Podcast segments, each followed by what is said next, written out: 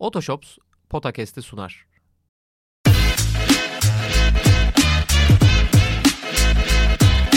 Potakast. Kaan Kural ve Orkun Çolakoğlu'yla NBA gündemine haftalık bir bakış.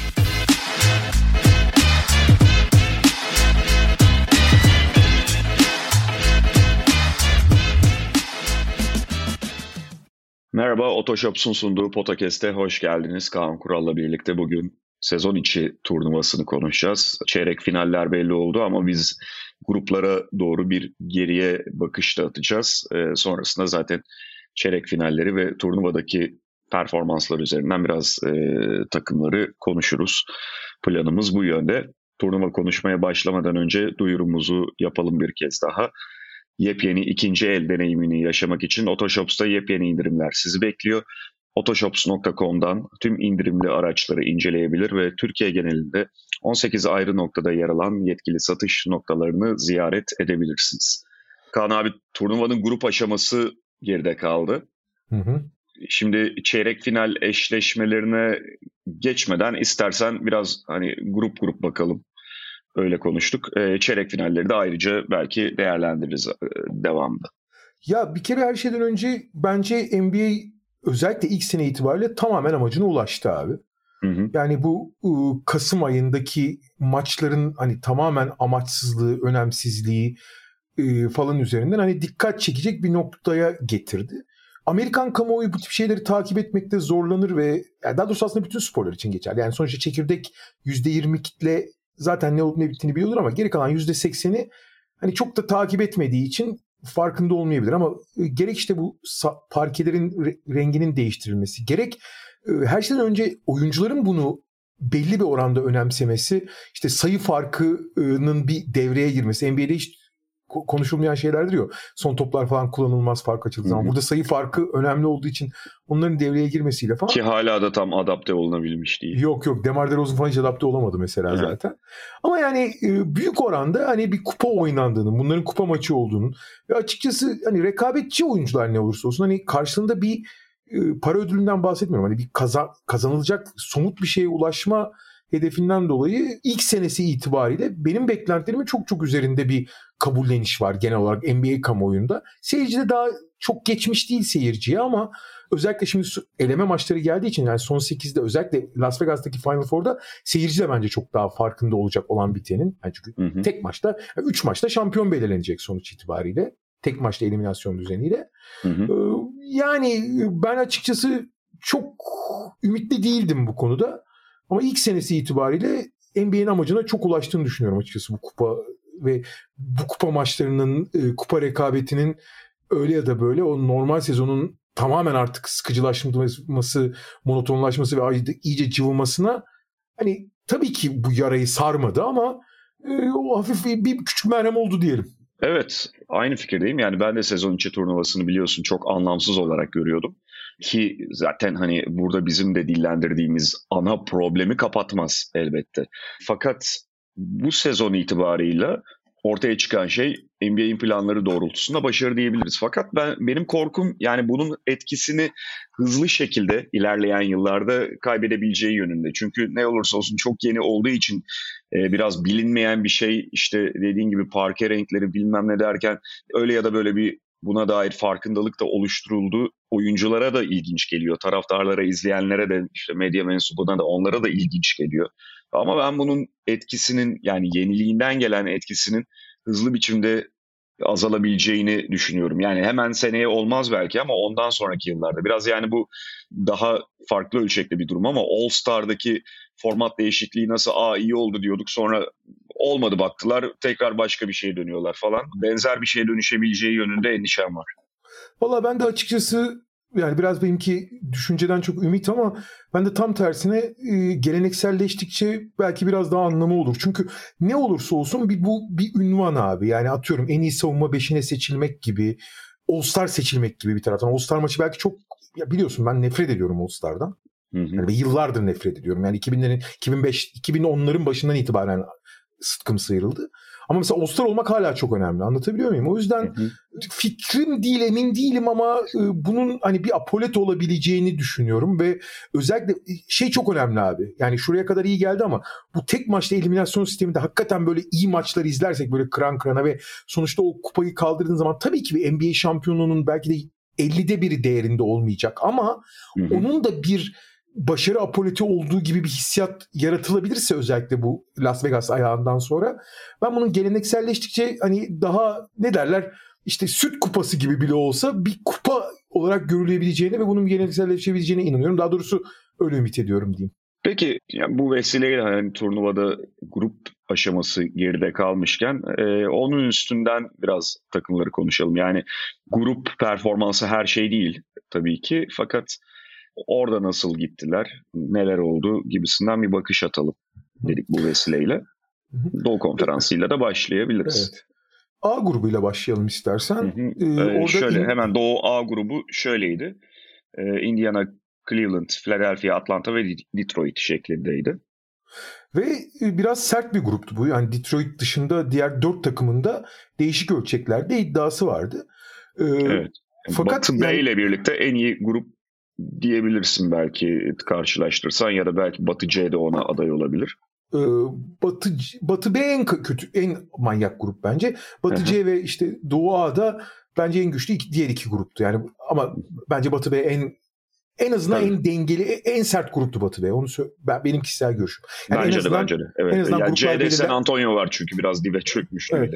Ve hani şey en azından beklenti açısından e, sezon öncesi yani gruplar belirlendeki beklenti açısından özellikle de Houston'ın çıkışıyla Batı B çok acayip bir yere geldi. Yani 5 takımın da bir iddiası vardı. Burada tabii aslında en iyi takım Philadelphia gibi gözüküyor ama Philadelphia e, özellikle Shake maçını kaybettiği zaman Indiana ile arka arkaya iki maç oynadı onlar. Biri normal sezon maçıydı, biri kupa maçıydı. Yani bu arada kupa maçı da normal sezona sayılıyor ama hı hı. birini kazanıp birini kaybettiler ve oradan sonra iki, iki mağlubiyete ulaştıktan sonra e, Philadelphia tamamen havlu attı zaten gruba. Evet. Ee, ve iş biraz şey, Philadelphia, e, Indiana'da 4'te 4 yaptı. Zaten Indiana'yı biliyoruz abi. Indiana ligin en iyi hücumu, en kötü üçüncü, ikinci ya da üçüncü savunması şu anda. Hani e, bu tip bir ekstremlik e, bazen oluyor işte. Bu hı hı. bir Rick Carlisle takım için çok ilginç bir durum ama aynen öyle. Zaten Atlanta'da yani benzer bir profilde olduğu için hani üst elit hücum felaket savunma takımı. Pacers onun big ateme daha ötesi. Bu ikisi karşı karşıya gelip 157-152'lik bir maç oynadılar bu arada. Evet. Indiana 4'te 4 yaparak şey oldu. Ee, söylediğinde en iyi daha direkt kafadan garantiledi gruptan çıkmayı. E, son gün Cleveland'ın bir şansı vardı ki Cleveland sezon başından beri tam kadro olmayı yeni yeni başarıyor. O yüzden belki genel dereceleri çok iyi gözükmüyor Cleveland'ın ama hani tam gücündeyken de e, ne kadar potansiyelli olabileceğini işte en son grup maçında Atlanta'ya karşı gösterdiler. Şöyle bir şansı vardı Cleveland'ın. Son gün çıkarken sayı averajı önemli olacak. Wild card için yani en iyi ikinci olmak için bir şansı vardı. Ama tabii New York e, anormal farkı açtığı için şey sayı farkında daha önceki maçlarda New York'a yetişemediler. New York bir de son gün Lamelo Ball'suz Charlotte'la oynadı. On, New York'ta farklı kazanınca ya Cleveland'ın farklı kazanmasının pek anlamı kalmadı. Wildcard e, şeyi hakkı New York'a gitti. O yüzden Cleveland hani elinden geleni yaptı ama yetmedi wildcard olması. Ama şu önemli. Cleveland hani ilk 15 maçı itibariyle çok düşe kalka giden takımın özellikle Jared Allen ve Darius Garland da eklendikten sonra aslında potansiyelinin ciddi anlamda yüksek oldu. Çünkü Struz çok iyi oturmuştu oraya. Potansiyelin evet. ciddi anlamda yüksek olduğunu gördük ve sezonun bundan sonraki bölümünde Cleveland için e, net bir seviye daha yukarı çıkma adayı oldukları kesin. Orada şey de önemli abi yani Max Struz e, sezona çok iyi başlamadı aslında. Ee, hani katkı veriyordu fakat şut yüzdeleri çok iyi değildi. Hatta Niang'in de öyleydi. O da sonuçta e, Struz kadar olmasa da o da e, yeni bir transfer ve takımın şut sorununa yönelik bir transferdi. Onlar şut anlamında çok iyi başlamamışlardı. Sonra işte Garland'ın sakatlığı üzerine Mitchell'ın sakatlığı yani o ikisi de sürekli birlikte oynayamadı. Daha sonra Strus ve Niang kendilerini buldular ama ana yıldızlardan bir tanesi hep eksikti falan. Dediğin gibi Cleveland'ın düşe kalka gitme durumu vardı ve bu biraz da bundan kaynaklanıyordu. Şimdi tam kadro olduklarında Cleveland'la ilgili daha sağlıklı bir şeye kavuşabiliriz ve iyi takım olduklarını gösteriyorlar zaman zaman. Yani e, tam kadro olabildiklerinde. Ha, ondan ben... sonra ne kadar yukarı çıkabilecekler işte Evan Mobley'nin gelişimi ne olacak? E, Donovan Mitchell, Darius Garland arasındaki dinamik biraz daha oturacak mı? Çünkü geçen sene problemlerinden biri buydu Cleveland'ın. E, Struz ve Niang gibi şutörlerle bu takım hücumu nereye gidecek bunları değerlendiririz ama e, şu ana kadar aslında Cleveland'ı tam anlamıyla test etme, onlar hakkında sağlıklı veri elde etme şansımız yoktu geride kalan maçlarda. Valla bence açıkçası hani e, dediğimiz gibi aynen katılıyorum. Yani esas takımı bundan sonra göreceğiz. Ama şu, zaten hani takas olduğu sırada ya daha doğrusu transfer olduğu sırada da bu belliydi. Hani bunu parkede de bence gördük. Strus bu takımın en ihtiyaç duyduğu oyuncu, en ihtiyaç Hı-hı. duyduğu rolü dolduruyor. Ha tabii ki o rolün en iyi oyuncularından biri değil. Ama takımın hani işte şeyle e, Okoro'yla falan ya da işte Dean Wade'le bazen Cedi'yle yama hatta bazen Karis Levert'le yamamaya çalıştığı o 3 numara pozisyonunu dolduracak. O belli oldu bence yani. Hı hı.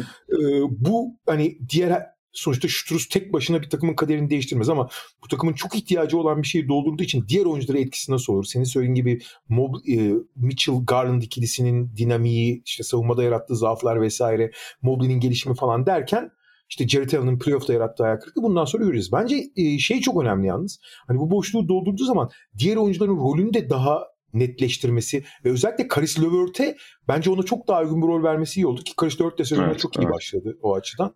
Bir de şey de söyleyelim abi yani arada e, sadece onu ekleyeyim. Yani e, daha önce bizim podcastlerde konuştuğumuz bir şey ama lafı geçmişken tekrarlamakta belki fayda var.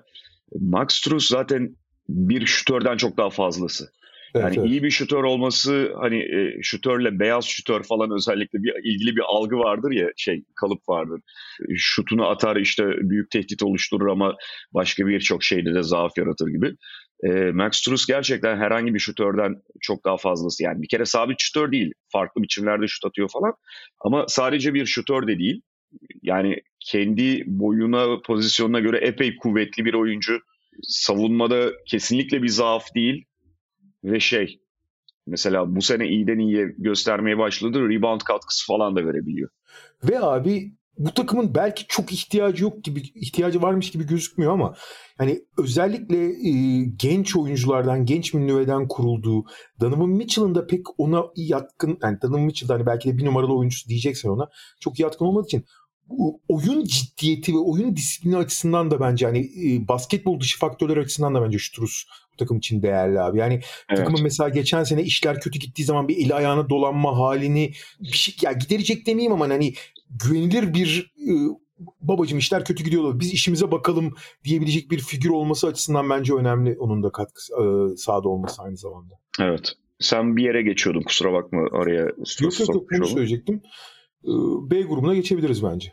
Evet. E, şimdi B grubunda da Doğu B grubunda da Milwaukee Bucks birinci oldu 4'te 4 ile. New York Knicks, Miami Heat, Charlotte Hornets ve Washington Wizards da diğer takımlardı. Ee, son gün gene şey oldu. Bir tane e, önemli bir Milwaukee Miami.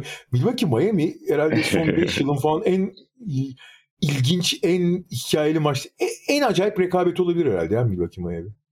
Yani evet e, hakikaten öyle yani özellikle Miami'nin Milwaukee üzerinde kurduğu beklenmedik kur, yani hakimiyet falan demeyelim ama üstünlük diyebiliriz belki bu yıllar içerisinde. Çok beklenmedik şekilde de olacak. Genelde hani sürpriz olan ve Milwaukee açısından da hayal kırıklığına dönüşen o üstünlük.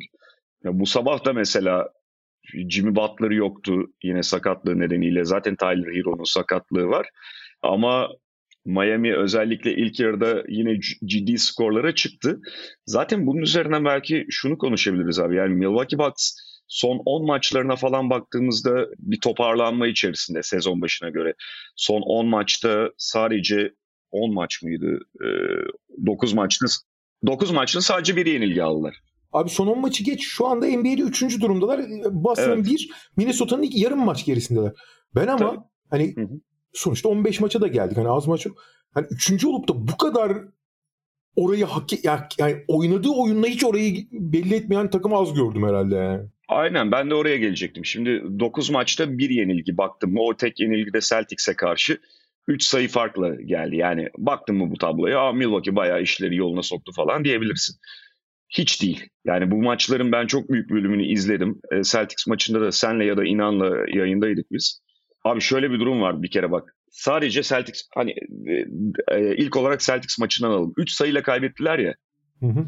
15-20 ile kaybedebilirlerdi. Hatta belki kaybetmeleri gerekiyor. O maçta da tam kadro değildi Celtics zaten. Öyle miydi? Drew yoktu galiba. Neyse önemli yok, değil. Önemli yok değil. vardı abi vardı. Hatta şey e, çok iyi savunma yaptı. Ya yani şey yaptı. Drew Holiday mesela ilk yarı sayı atmadı ama öyle bir savunma yaptı ki Milwaukee'ye bak neyi kaybettiniz e, dedirtmişti onu konuşmuştuk. O zaman galiba David White yoktu. Bakarım ben ona şimdi de. Biri yoktu gibi hatırlıyorum. Ya. Neyse tamam. Yani öyle bak o Celtics maçını gerçekten 3 sayıyla falan değil ciddi kaybetmeleri lazım. Washington maçını 3 Washington'ı 3 sayıyla yenebilmek demek kaybetmiş olman demek bana göre. Pardon bu arada tam kadroymuş e, Boston özür dilerim ben. Evet evet. E, Wizards'ı 3 sayıyla yenebilirler. Yani bu bence takvime kayıp olarak işaretlenmesi gereken bir maç. Portland maçı ben yine yayındayım of, tek başıma. Of abi of. Büyük rezillik. 26 sayıdan döndüler yani. Yani sondan sonra nasıl işte şey dirençli mentalitemizi gösterdik falan filan diyor. Geç abi bunları. Büyük rezillik. Vızır vızır delindiler ön alandan. Bu sabah yine aynı şey. Abi bu takım kesinlikle ön alanda savunma yapamıyor. Çok endişe verici Milwaukee açısından.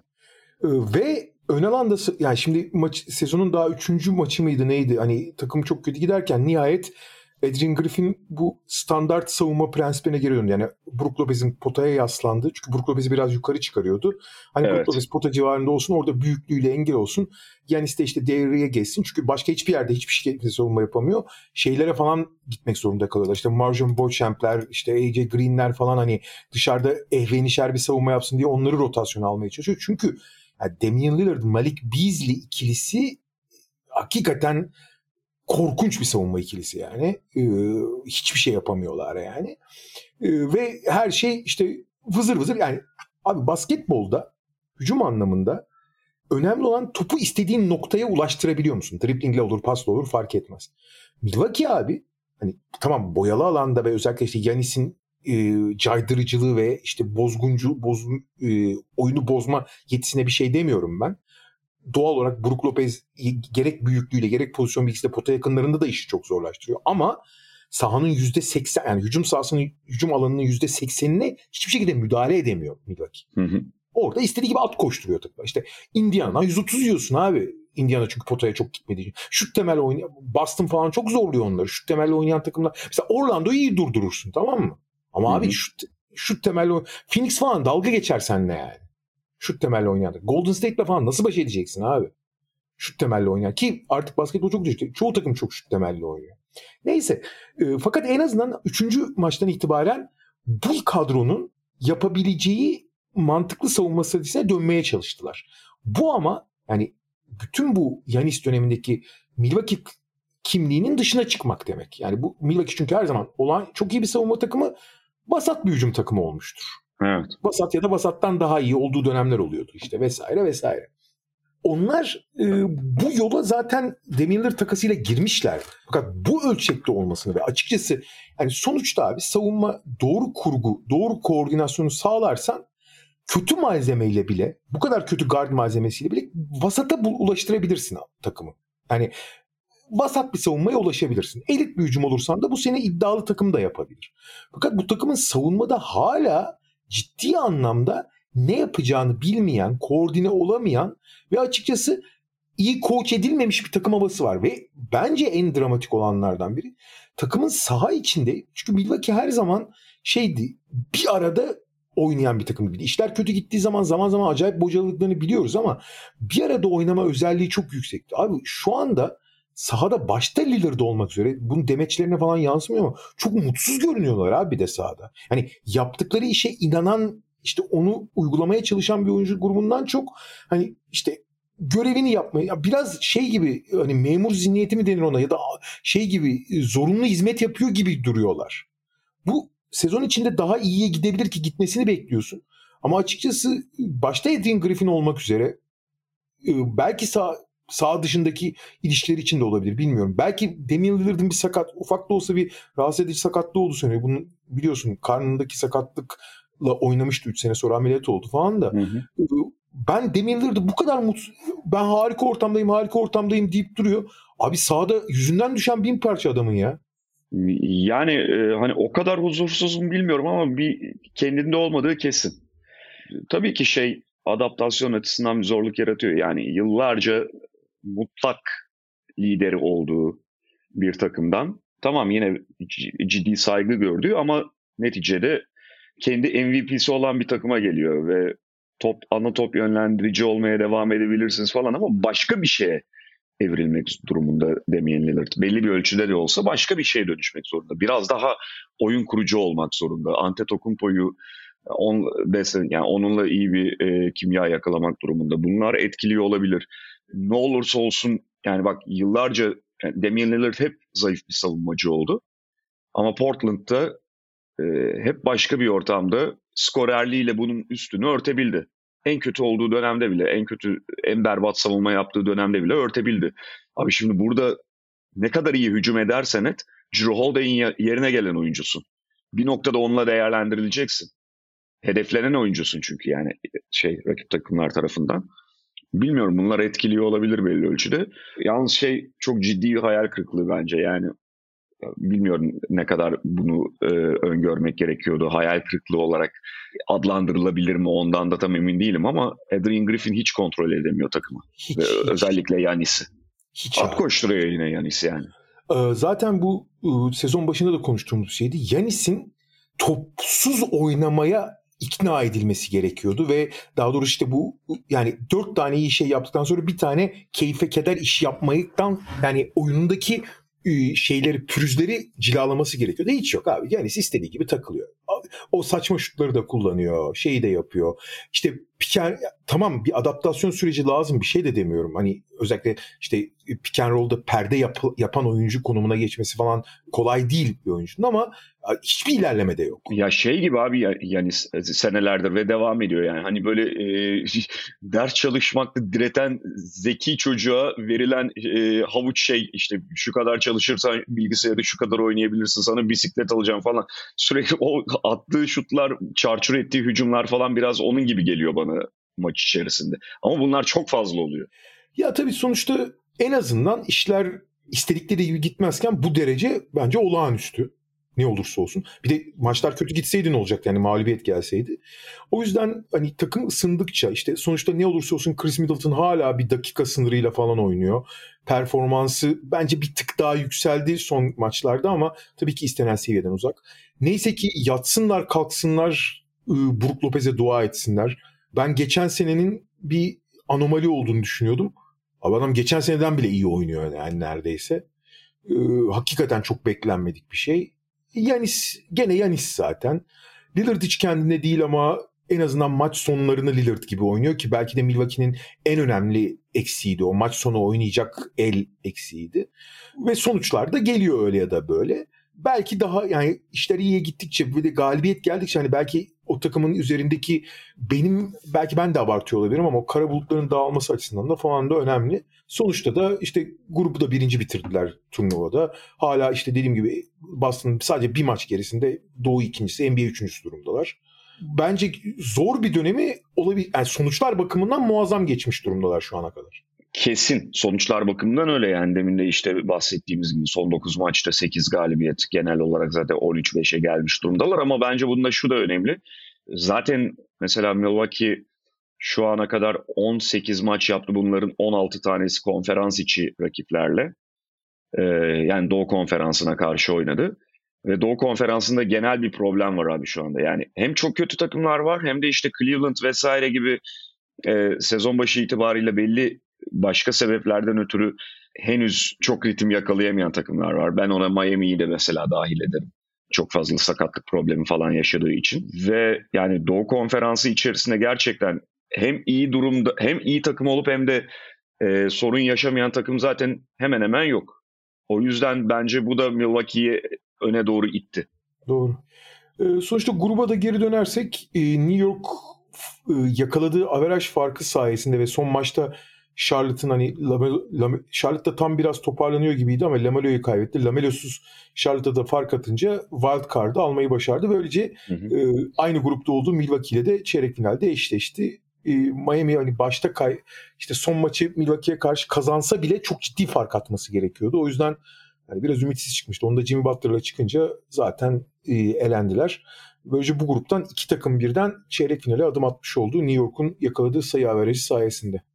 Evet ve Doğu C grubu e, Boston Celtics, Orlando Magic, Brooklyn Nets, Toronto Raptors ve Chicago Bulls bu grupta yer alıyordu. Yani Boston'ın belki buradan çıkması bekleniyordu ama yenilgi almaları bile sürprizdi diyebiliriz aslında. Ve aslında bu grubun en kritik maçında Orlando Boston'ı bayağı evire çevire yendi. Yani evet, geçen hafta.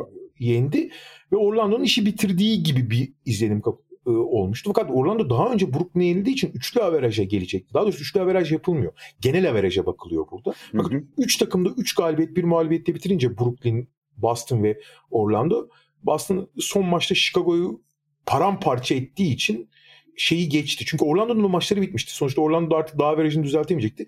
O Boston'ın 22'nin üzerinde fark atması gerektiğini biliyordu. Boston 27 sayı farkla kazanınca e, genel averajda işte 27, 22 ve 20 olarak bitirdiler. Brooklyn'de 20 sayıda. Şey e, Toronto'ya onlar ano, da 15 ve üzerinde fark atmaları gerekiyordu. Atamadılar. Da ya da Boston Boston'dan 8 daha az fark atmaları gerekiyordu. Yani Boston 27 atsa 19 atmaları gerekiyordu. Atamadılar. Boston bu sayede son gün Chicago'yu paramparça edebildiği için 27 sayıyla Chicago'nun durumu da içler acısı bu arada. İçler acısı. Hı hı. Yani e, abi saha içinde artık birbirinin gırtlağına sarılacak gibi bir hal var. Vucevic'in falan demeçleri duydun mu abi? Yani gerçi zaten Zach Lavin basın önünde çok ters demeçleriyle bilinir. Vucevic falan da Demar DeRozan falan o topa girmiş. DeRozan da. Abi gerçekten yani patla yani zaten daha sezonun ilk maçından sonra e, oyuncu toplantısı yaptılar. Şu anda patlamak üzereler. Patlamak üzereler. Onu diyecektim abi. Sezonun ilk maçından sonra e, players only yapıyorsan içeride zaten geçmiş olsun. Ama şey de çok kötü abi. Yani şu anki vücut dilleri tabii işler kötü gittiği zaman çok da okuma yapmamak lazım ama vücut dilleri abi yani bu takımın artık birbirinden sıtkının sıyrıldığını gösteriyor abi. Herkes çok mutsuz orada yani. Okuma yapmaya gerek yok. Bir de bu kadar zaten takas söylentileri ayyuka çıktıktan sonra abi yani kötü de giden bir takımı dikiş tutmaz ki şey olarak. Evet. Hani ben de bir iki mesela onların bir reaksiyon vermesini falan bekledim. Çünkü yani tamam Chicago problemli bir takım da bu kadar da kötü bir takım değil Chicago. Evet, evet, evet, evet. Ama abi yok yani şey artık belli ki o takım içerisinde soyunma odasında antrenmanlarda falan da şey var artık ya tamam hani bu takım e, dağılacak zaten hani şu takaslar yapılsın da gidelim yolumuza. Yani hem bunu takım olarak düşünüyorlar hem de bireysel olarak. Ya yani Caruso'su da Lavini de işte DeRozan'ı da belki Vucevic'i de herkes ulan nereye gideceğim acaba bir yollasalar da ben de yoluma baksam diye düşünüyor. Abi son 9 maçta tek galibiyetleri var ve e, sahadaki görüntü de hani gerçekten hani abi ne olacaksa olsun artık bitsin bu iş falan havasındalar.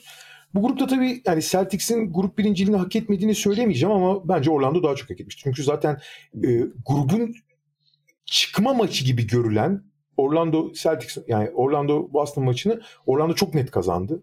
Ki zaten çok formdalar. 7 maç üstte kazanmış durumdalar. Ligin en iyi savunması konumundalar.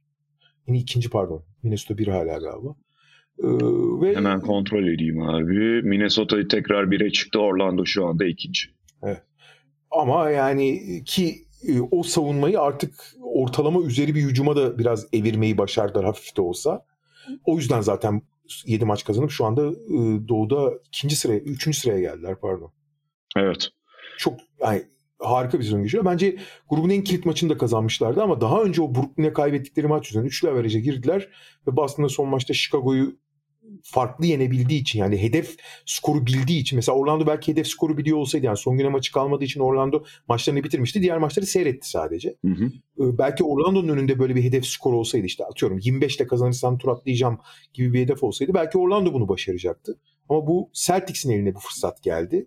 Tabi bu arada Celtics'in sadece 27 ile kazanması yetmiyor. Aynı zamanda Brooklyn'in de kazanması gerekiyor üçlü average olsun diye. Brooklyn hı hı. kazandı. Celtics'te gitti 27 o hedef skoru bulabildiği için Celtics çeyrek finale geldi. Çeyrek finalde de Milwaukee ile New York, Indiana ile de Boston oynayacak. Evet. Ee, Milwaukee New York 1-4 eşleşmesi, Indiana Boston 2-3 eşleşmesi. Evet. Indiana ve Milwaukee ev sahibi olacak bu maçlara. Pazartesi ve evet. salı günü oynanacak bu maçlar. Sonrası e, hatırlatmamızı yapalım. Yarı finalden itibaren yani bu çeyrek finaller geride kaldıktan sonra Las Vegas'ta oynanacak evet, kalan Final maçlar. Four gibi olacak. İşte Doğu, Doğu takımları bir yarı final, Batı takımları bir yarı final oynayacak. Sonra da cumartesi gecesi şeyler doğudan gelen ve batıdan gelen takım tek maçla finali yapacak. Tam bir Final Four işte. O kolej şeyini, tek maçlık eliminasyon heyecanını yaşatmaya çalışacaklar. Yani o maçlarla ilgili çok söyleyeceğin bir şey var mı bilmiyorum ama yani tek maçlı bir düzen... Doğu tarafı için ben şeyi söyleyeceğim. Yani e, buraya da kapağı attıktan sonra bir şekilde bence Boston Doğu'da net favori bu Doğu içerisindeki Final Four'da. Bence de ama Porzingis'in oynayıp oynamayacağı bence önemli olacak. Hı hı. Ki en azından çeyrek yani Indiana maçında oynayabilecek gibi gözüküyor ama Indiana'yı görece rahat geçebilir gibi görüyor. Her ne kadar deplasmanda oynasa da Boston. Ee, bence de evet doğu tarafında Celtics favori gibi duruyor. Peki batıdaki gruplara geçelim. Ee, Batı A grubu yani zaten Lakers ve Phoenix arasında ikili bir grup gibi gözüküyordu. Diğer takımlar Utah, Portland ve bütün problemleriyle Memphis olduktan sonra ki Lakers da aslında sezona çok da iyi başlamamışken kendi şeyleri hani beklentiler ölçüsünde kendi sakatlık problemleri falan filan derken şeyi yaptı mesela net biçimde. Utah, Portland, Memphis maçlarının hepsini farklı kazandı. Phoenix'i de bir şekilde indirdi e, geriden gelip falan o maçta. 4'te 4 ile grubu tamamladı. Ve şey bir numaralı seri başı oldu. Burada tabii şey çok önemli. E, bu grup çoktan bitti. Son güne maçı kalmadı bu grubun. Bu grup daha evet. önce bitmişti. E, Phoenix'in son maçında Memphis'i farklı yenmesi ve özellikle maçın son saniyesinde yani kazandığı maçta e, Devin Booker'ın panyalı bir üçlük atması belirleyici e, e, onları çok kritik noktaya getirdi. Yani zaten soru çok ihtiyaç kalmadı ama o sayı farkını 34 sayısı farkını alınca da wild card'ı almış oldular. Yani 3 galibiyet ve işte 34 sayı farkıyla wild card'ı e, kazanmış oldular.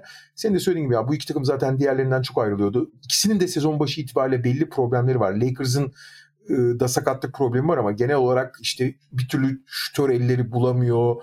E, oyun içi hiyerarşisinde biraz fazla yani hiç olmaması gerektiği kadar LeBron'a yükleniyor falan. Onları çok konuştuk. E, Phoenix ise zaten hani hiçbir zaman o üç ana oyuncusu üzerine bir oyun kurgulamıştı ki bence o kurgunun iyi bir sonuç verebileceğinin örneklerini gördük ama o üç oyuncu sahada bir arada hiç olamadı zaten daha. Yani Bradley Beal'ın da zaten bu kupa yani haftaya da oynamayız, oynaması beklenmiyor ama e, özellikle hem Booker hem Durant'in acayip bir seviyede oynaması yani MVP standartında oynaması ve diğer oyuncuların onları iyi tamamlayan rolleri özellikle başta Eric Gordon olmak üzere daha doğrusu o minimum kontrat aldıkları bütün oyuncuların işte Watanabesi, Bates Job'u, Okogi'li farklı farklı şeyler getirebiliyor olması sahaya.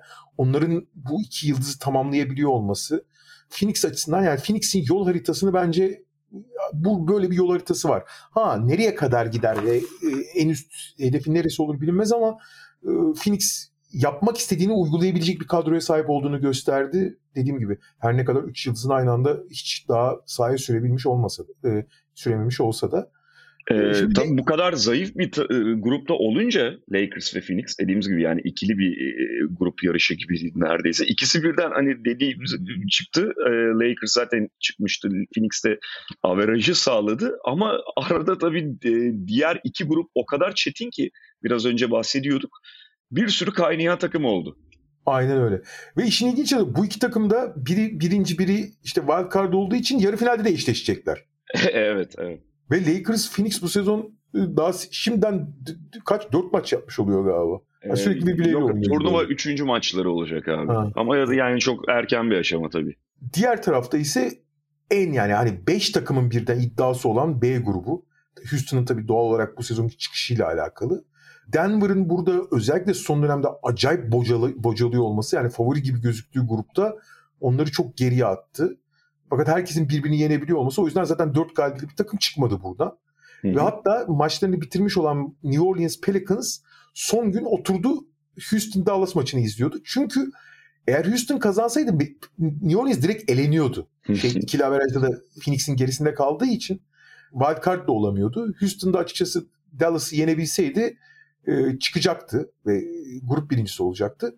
Ama Houston biliyorsun bu sezon iç sahada galiba 7-1 mi ne? E, deplasmanda daha deplasmanda maç kazanmayan tek takım Houston bu arada. Hı hı. Böyle genç ve yeniden e, organize olmuş takımlar için deplasman bazen daha zor olabilir. Yani iç sahanın güveni olmadan ama bu hakikaten çok dramatik bir fark. Yani iç sahada 8-1'sin deplasmanda 0-6. Deplasmanda Dallas'a yenilince e, New Orleans ki New Orleans da çok inişli çıkışlı bir sezon geçiriyor ama 3 galibiyet bir yenilgiyle bu gruptan çıkmayı başardı. Evet New Orleans'ta tam toparladı gözüküyordu. Yani e, işte e, Brandon Ingram, Zion Williamson bir ritim yakaladılar birbirleriyle oynama konusunda da aşama kaydediyorlardı falan. İşte zaten CJ McCollum da dönecek yakında. Ama üst üste iki tane Utah maçı kaybetti onlardı. Bir tanesinde gerçi Zion dinlendiriyorlardı falan ama ne olursa olsun yani zaten sorunlu bir durumda olan Utah üst üste iki tane kaybetmek de New Orleans'ın hala problemleri olduğunu gösteriyor. Neyse CJ McCollum dönüyor şimdi. En azından evet. hani bir takım sakat. Özellikle guard pozisyonunda, top yönlendirici pozisyonunda hani ciddi sıkıntıları var. CJ McCollum da sezona çok harika harika girmiş. Yani büyük şanssızlık. Şimdi CJ McCollum dönünce bir daha bakmak lazım onlara bence. Ee, ama ne olursa olsun inişli çıkışlı sezonda çıkış yakaladı, yani çık, e, yakaladıkları maçları kupa maçlarına denk getirdikleri için yarı final vizesi aldılar. Ve şey Sacramento ile oynayacaklar. Sacramento'da maç bu arada. Ee, evet. Çeyrek final grup birincisi olarak geçtiler ama bu grup hakikaten hani Houston'ın da işte bu seneki haliyle işte New Orleans, Houston, Dallas, Denver, Clippers yani hepsinin bir birincilik iddiası var. Zaten Houston son maçta kazansa birinci oluyordu. Hı hı. Clippers tabii biraz hani hayal kırıklığı olabilir ama ya bu takımın hepsi ciddi anlamda birer aktör. Aralarından sıyrılan da New Orleans oldu. Clippers'ı gerçekten Allah affetsin. yani bu geçen yani şey dün sabahki Denver maçı falan büyük rezalet. Ya şey olabilir abi. Yani... Dün sabahki Denver maçı sezonun en büyük 3-4 rezaletinden biri olacak herhalde. Şu ana kadarki birinci bile olabilir. Abi NBA normal sezonunda sonuçta e, hele hele erken aşamada şeyi çok görebiliyoruz abi. Ee, hani bir takımda ana yıldızlar yok ya işte Denver'ın yaşadığı durum yani yok hiç de oynamadı o maçta. Jamal Murray zaten sakat falan. Karşı taraf cid, çok fazla rehavete kapılıp öyle beklenmedik bir yenilgi alabiliyor. Ama Clippers'ın şu anda öyle bir rehavete de kapılmaması gerekiyordu. Yani zaten çok geriye düşmüş bir takım şey sezon başı itibariyle. Tamam belki bir şey kaybetmediler ama artık yavaş yavaş bir ritim hadi buluyor musun falan derken atabildiği kadar maçı cebine atması lazım. Karşı tarafta kim eksik olursa olsun. Abi sen artık yani hem Jokic'ten hem Cemal Murray'den yoksun ve tamamen bunlar üzerine zaten kurgulanmış bir takıma yeniliyorsan ve Aaron Gordon da yoktu o maçta. Ha, senin artık böyle rehavetle falan açıklanmayacak problemlerin var demektir. Abi, Ki zaten 2000, başından 2020, beri de onu görüyoruz Clippers'ta. 2023 yılında Reggie Jackson, DeAndre Jordan ikilisine maç kaybettiler ya. Evet, evet korkunç durumdalar bence yani şey derecenin ötesinde bir şey. Hani geçen gün mesela ben şey gördüm Twitter'da. Onu da tam Denver maçından önce görmüştüm galiba. Ee, işte yani James Harden bak son maçlarda James Harden toparlandı. Onun dakikalarında da Clippers artı bilmem kaç falan geçiniz. O orada iki tane Spurs maçı vardı o yüzden. E tabii canım yani işte yani abi çok böyle 4-5 maçlık bölümlere bakmak NBA'de normal sezonda sizi öyle yerlere savurabilir ki çok yanılabilirsiniz. Yanılmak istiyorsanız yanılabilirsiniz. Yanıltmak istiyorsanız yanıltabilirsiniz ama 4 maçlık, 5 maçlık özellikle küçük örnek gruplarından çok şey çıkarabilirsiniz. Bir anda tepe taklak olur onlar. C grubuna geçelim. Ee, burada da işte aynı Houston Dallas gibi son gün bir final maçı oynandı. Golden State Sacramento deplasmanına gitti ve e, burada da üçlü averaj olacak yani çünkü Minnesota Oklahoma City yeni için. Oklahoma City de bu arada harika bir sezon geçiriyor ama kupaya çok kötü başlamışlardı iki yenilgiyle. İddiaları da kalmamıştı ee, ama Minnesota'da Minnesota çok ters geliyor onlara zaten çok fizik. Onlar boyalı alanı savunmakta çok zorlanıyorlar. İşte boyalı alanda çok etki yaratabilen bir takım Minnesota. Ee, Minnesota'ya da yenildiler. Böylece üçlü averaj olacaktı. Yani şey gibi B grubu gibi 3-1 bitiren 3 takım olacaktı eğer Golden State Sacramento'yu yenerse Hı. ve 11 sayının üzerinde yenerse de şey olacaktı. Yani e, kazan grubu birinci bitirecekti. E, daha iki, üç, e, ikinci çeyrekte 15 sayı öne geçti Golden State. Çok da iyi götürüyordu ama maçın sonuna doğru acayip oyundan düştüler. Ve maçın sonunda yani tamam zaten 11 sayı farkı kaybettiler. Yani oradan Sacramento kaybetse bile grup birincisi olacaktı averaj farkından dolayı. Ama maçın sonunda öyle hatalar yaptı ki Golden State. Ya bir Stephen Curry, bir Draymond Green'in top kaybı var. Abi ortaokul seviyesi olur ya. Resmen ortaokul seviyesi olur. E, oradan gelip hani sayı farkını geçtim maçı da kaybettiler bu arada Sacramento'ya. E, maçı da kaybettiler. Sacramento da böylece grubu 4-0 bitirdi. Onlar da Darren Fox'un sakatlığında sezon başında biraz bocalıyor gibilerdi ama şu anda özellikle işte Malik Monk olsun, işte Darren Fox ve diğer şütörler evet. onların etrafında yine geçen seneki şeyi ışığı çok net veriyorlar ve onların dinamizmine ulaşabilecek takım sayısı çok az. Evet yani şey konusunda hakkını vermek lazım Sacramento'nun. Mesela biz de e, geçen sene sakatlık açısından istisnai şanslı bir sezon geçirdiklerini, bu sezon onun kırılabileceğini, bundan ötürü Sacramento'nun ciddi anlamda bocalayabileceğini söylüyorduk ki De'Aaron Fox'un işte erken sakatlığı döneminde o bocalamayı haliyle de yaşadılar. E, ama onun dışında da gayet iyi gitti Sacramento Kings ve hatta takım e, detaylarda da gelişiyor. O konuda da haklarını vermek, teslim etmek gerekir. Ve şu da var abi yani benim hatırlayabildiğim kadarıyla Sacramento şu ana kadar en zor fikstür oynayan takımlardan biri olabilir. Aynen öyle ve sürekli zor maç oynuyorlar. Ve Batı'da bir de zor maç sayısı fazla. Onun da etkisi olabilir. Yani San Antonio'yla falan oynamadığın sürece.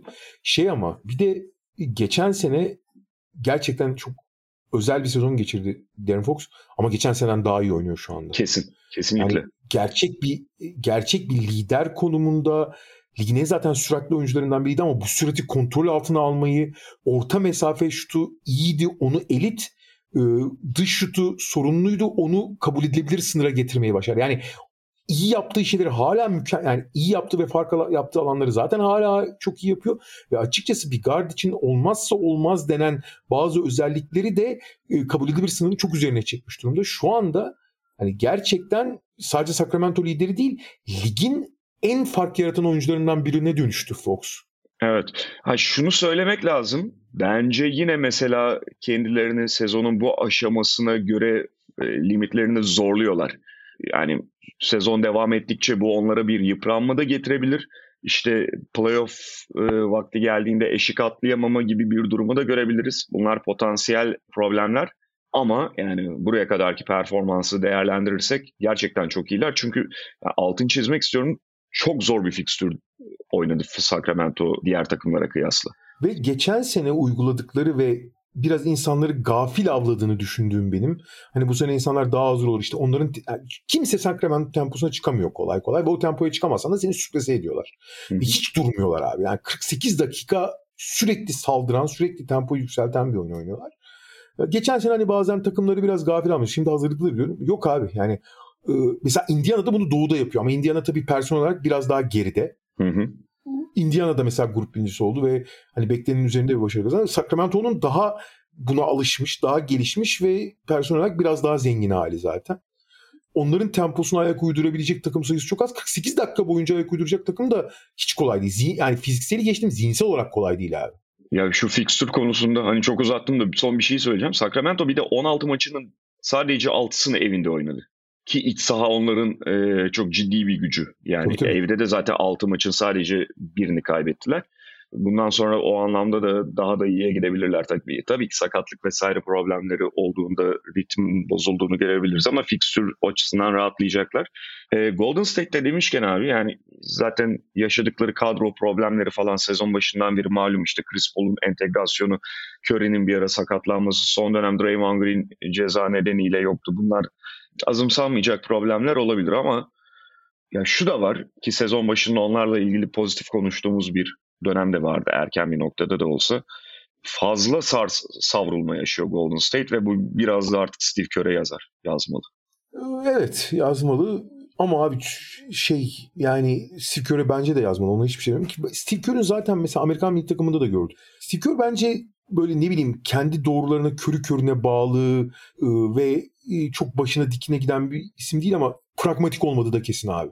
Yani kesin. çözüm çözümü buluyor ama çok uzun sürüyor bunu bulması ya. Evet abi. Ya, ya Steve Kerr iyi kurgucu koçlardan. Kurguluyor evet. ama yani maç içerisinde fırtınada çok savruluyor işte.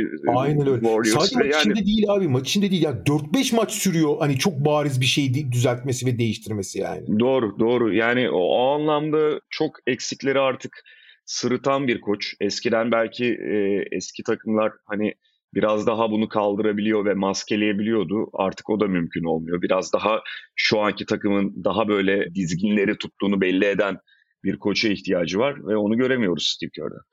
Ee, neyse ki işte sezona yani korkunç bile demeyeceğim. Hani basketbolu unutmuş gibi giren Andrew Wiggins kendine geldi. Normale döndü yani. Ee, büyük oranda döndü diyelim en azından. O işte Draymond Green'in de cezası bitti falan. En azından hani personel olarak biraz toparlandılar. Artık bu dönemde e, bundan hani bu fırsatı değerlendirebilecek ve dakikalarını ve rolünü artırabilecek bir oyuncu olarak da Mozmudi'yi de biraz kazandılar. Kuminga falan hiç olmadı bu arada. Yani o Draymond Green'in sakatlığında ben açıkçası onun e, en azından kendi belli bir şeyler gösterebileceğine inanıyordum. Ama biraz şey gibi Kuminga'nın oyunu hiç Golden State'e uymuyor abi. Yani hiç uymuyor. Ve olmuyor da zaten. Zihinsel olarak da olmuyor. İşte Chris Paul'le zaten yapılan evlilik takımı biraz iki işte Dr. Jekyll Mr. Gibi yani iki kişilikli hale getirmiş durumda. Bundan verim alıyorlar. Yani Chris Paul dakikalarından. Ama e, esas ana Golden State karakterini yansıtması gereken işte Clay, Draymond, Wiggins yani Curry etrafındaki bu dörtlünün e, henüz hiç kendini bulamaması en temel problem ve hani bununla ilgili yapılabilecek işte ya Wiggins bu kadar kötü yapabileceğin çok fazla bir şey yok ama hala yapılabilecek bazı şeyler vardı. Kör oralarda hakikaten hiç iyi iş çıkarmadı. O konuda çok haklısın yani. Ve e, takım da şu anda ciddi anlamda bir boca yani ciddi anlamda bocalıyor. Bundan sonra daha iyi gidebilirler gibi düşünüyorsun. Ama abi bakıyorsun e, geçen seviyorsun deplasmanda hiç maç kazanamıyorlardı. Bu sezon da iç sahada facia gittiler. Yani e, şu ana kadar deplasman ağırlıklı başlamışlardı. O yüzden çok kötü gözükmüyordu dereceleri. Hı hı. E, deplasmanda 5-4, kendi sahalarında 3-6 durumdalar yani. Grupta ikinci kalan Minnesota bence hani çıkabilse şeydi. Batı'yı kazanma favorisiydi şu anki durumda. Ama onlar da geçen hafta işte Cuma'ydı galiba Sacramento'ya kaybettiler. Orada zaten aslında grubun şeyi belli olmuş oldu. Ee, evet. Fakat ben onların yani e, şeye çeyrek finallere çıkabilseler e, Batı tarafının net favorisi olduklarını düşünüyordum. Zaten Minnesota'da iyi gidiyor. Yani turnuvayı dışarıda bırakırsak son derece iyi bir sezon e, performansı gösteriyorlar. Evet. Ve yani hani eksikleri falan onların da var. McDaniels'ın sakatlığı, e, başka problemler sezon başında yaşamışlardı falan ama şu ana kadar gidişat harika Minnesota açısından. Aynen. Ve yani en acayibi de Carl Anthony Towns'un özellikle son 7-8 maçta hani iyi değil. Yani iyi boş ver. Baya aklı başında işler yaptığını görüyorsun ve hani saçmalaması azaldı falan böyle aydınlanma gelmiş gibi gözüküyor. Dehşetle takip ediyorum yani. Değil mi? Şey diye isim geliyor yani. Carl iyi misin yavrum? Bir problem yok değil mi? Abi böyle işte ne bileyim bir tane saçma foul yapıyor. Hemen arkasında ikinciyi yapmıyor. Böyle işte şey yapıyor kendine hakim oluyor. Ne bileyim hücumda 3 kişi işte takımın sayı ihtiyacı olduğu zaman kahramandan sonra 3 kişinin arasına abuk subuk bir şey fırlat. Hani hakikaten aydınlanma gelmiş adama ya. Öyle gözüküyor yani. Böyle bir, bir hani bir devre, bir çeyrek, bir maç olur falan anlarım da böyle 4-5 maçtır gözlemliyorum yani. Hakikaten şok ve endişe içinde yani hakikaten ıı, gezegenimizin geleceği için endişe içindeyiz yani. Peki Batı çeyrek finalini de konuşalım istersen. En son bir tahmin de yaparız. Ya burada işte demin de bahsettiğimiz gibi 1-4 Lakers Phoenix oldu. Bir kez daha karşı karşıya gelecekler.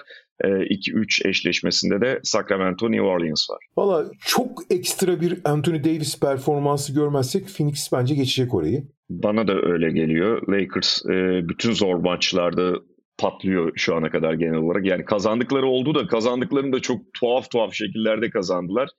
E, kendi sakatları da olduğu için e, yakın bir maç. Ben de Phoenix'i biraz daha öne koyuyorum. Hı hı. E, tabii diğer tarafta bence Sacramento favori ama New Orleans hakikaten NBA'nin şey zirveleri en acayip dipleri de en dip olan en tuhaf takımlarından biri. O yüzden hani Sacramento favori onu söyleyeyim de New Orleans bu abi. Yani hiç belli olmaz. Ki zaten biraz eşleşme açısından da sorun yaratabilecek bir takım şeye. Zaten ee, geçen hafta mağlup da ettiler. Hı Ee, Sacramento şeyi, Sacramento'yu. Kötü, Sacramento için kötü bir eşleşme o. Çünkü bütün o dışı oyuncularla eşleşebileceği çok önemli oyuncular. Çok önemli savunma takımı zaten. Yani Darren Fox'u gerçekten bunaltan çok az sayıda oyuncudan biri Herb Jones mesela. Hı hı. Ee, keza Dyson Daniels'da oynadığı zaman hani gerçekten çok kemik gibi bir dış savunma yapabiliyorlar. İçeride biraz iç savunma biraz problemli ama dış savunma inanılmaz seviyede şeyde New Orleans'da. Ee, biraz işte onların o inişleri çıkışlarına bağlı ama Sacramento ne olursa olsun favori bence. Bu New Orleans Sacramento ile ilgili şey de söyleyeyim. Geçen hafta iki defa mağlup ettiler de bir tanesi hadi şeydi e, yakalama galibiyeti. Yani e, back to back'in ikinci ayağında yakaladılar şeyi Sacramento'yu. Orada zaten erken koptu maç. Ama üst üste ikinciyi de kazandılar sonra Sacramento'ya karşı. Ve dediğin gibi belli e, matchup avantajları var. Las Vegas tarafına gelirsek de ben orada da biraz Phoenix'i önde tutuyorum. Ben de. Olası bir Sacramento eşleşmesinde. Hadi son bir tahmin yapacaksak da yani yaptıklarımız ışığında Boston Phoenix finali olursa eğer orada da Boston'un şampiyon olacağı fikrindeyim. Valla biraz da bir Porzingis'in oynamayacağı üzerinden konuşursak o zaman işler çok daha karışık oluyor denklem ama ben de hani sana katılacağım. Ama bir taraftan da hani tekrar en son şeyi söyleyeyim. Yani Phoenix'in yapmaya çalıştı. İşte oyun kurucusuz oynayacağız.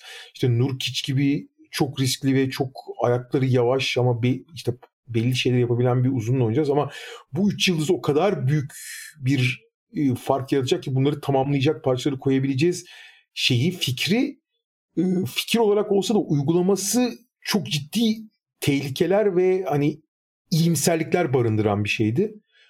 Bence o sahada uygulanabileceğini çok net göster. Dediğim gibi bunun devamlı işte e, bu oyuncuların devamlı başta Nurkic olmak üzere falan hala büyük problem ama bu plan kırılgan bir plan olsa da uygulanabilecek bir plan olduğunu gösterdi bence. Ve ben de katılıyorum abi. Şey, hı hı. ben de Phoenix Boston finalini daha yakın görüyorum ve orada da Porzingis olmasa ilginç olabilir ama Boston bir çeyrek adım önde gibi diyelim. Peki bugün turnuvayı konuştuk. Turnuva üzerinden e, takımları da değerlendirdik. E, böylelikleri kapatalım. Otoshops'un sunduğu Potakest'ten bu haftalık bu kadar diyoruz. Haftaya tekrar görüşmek üzere. Hoşçakalın. Hoşçakalın. Otoshops Potakest'i sundu.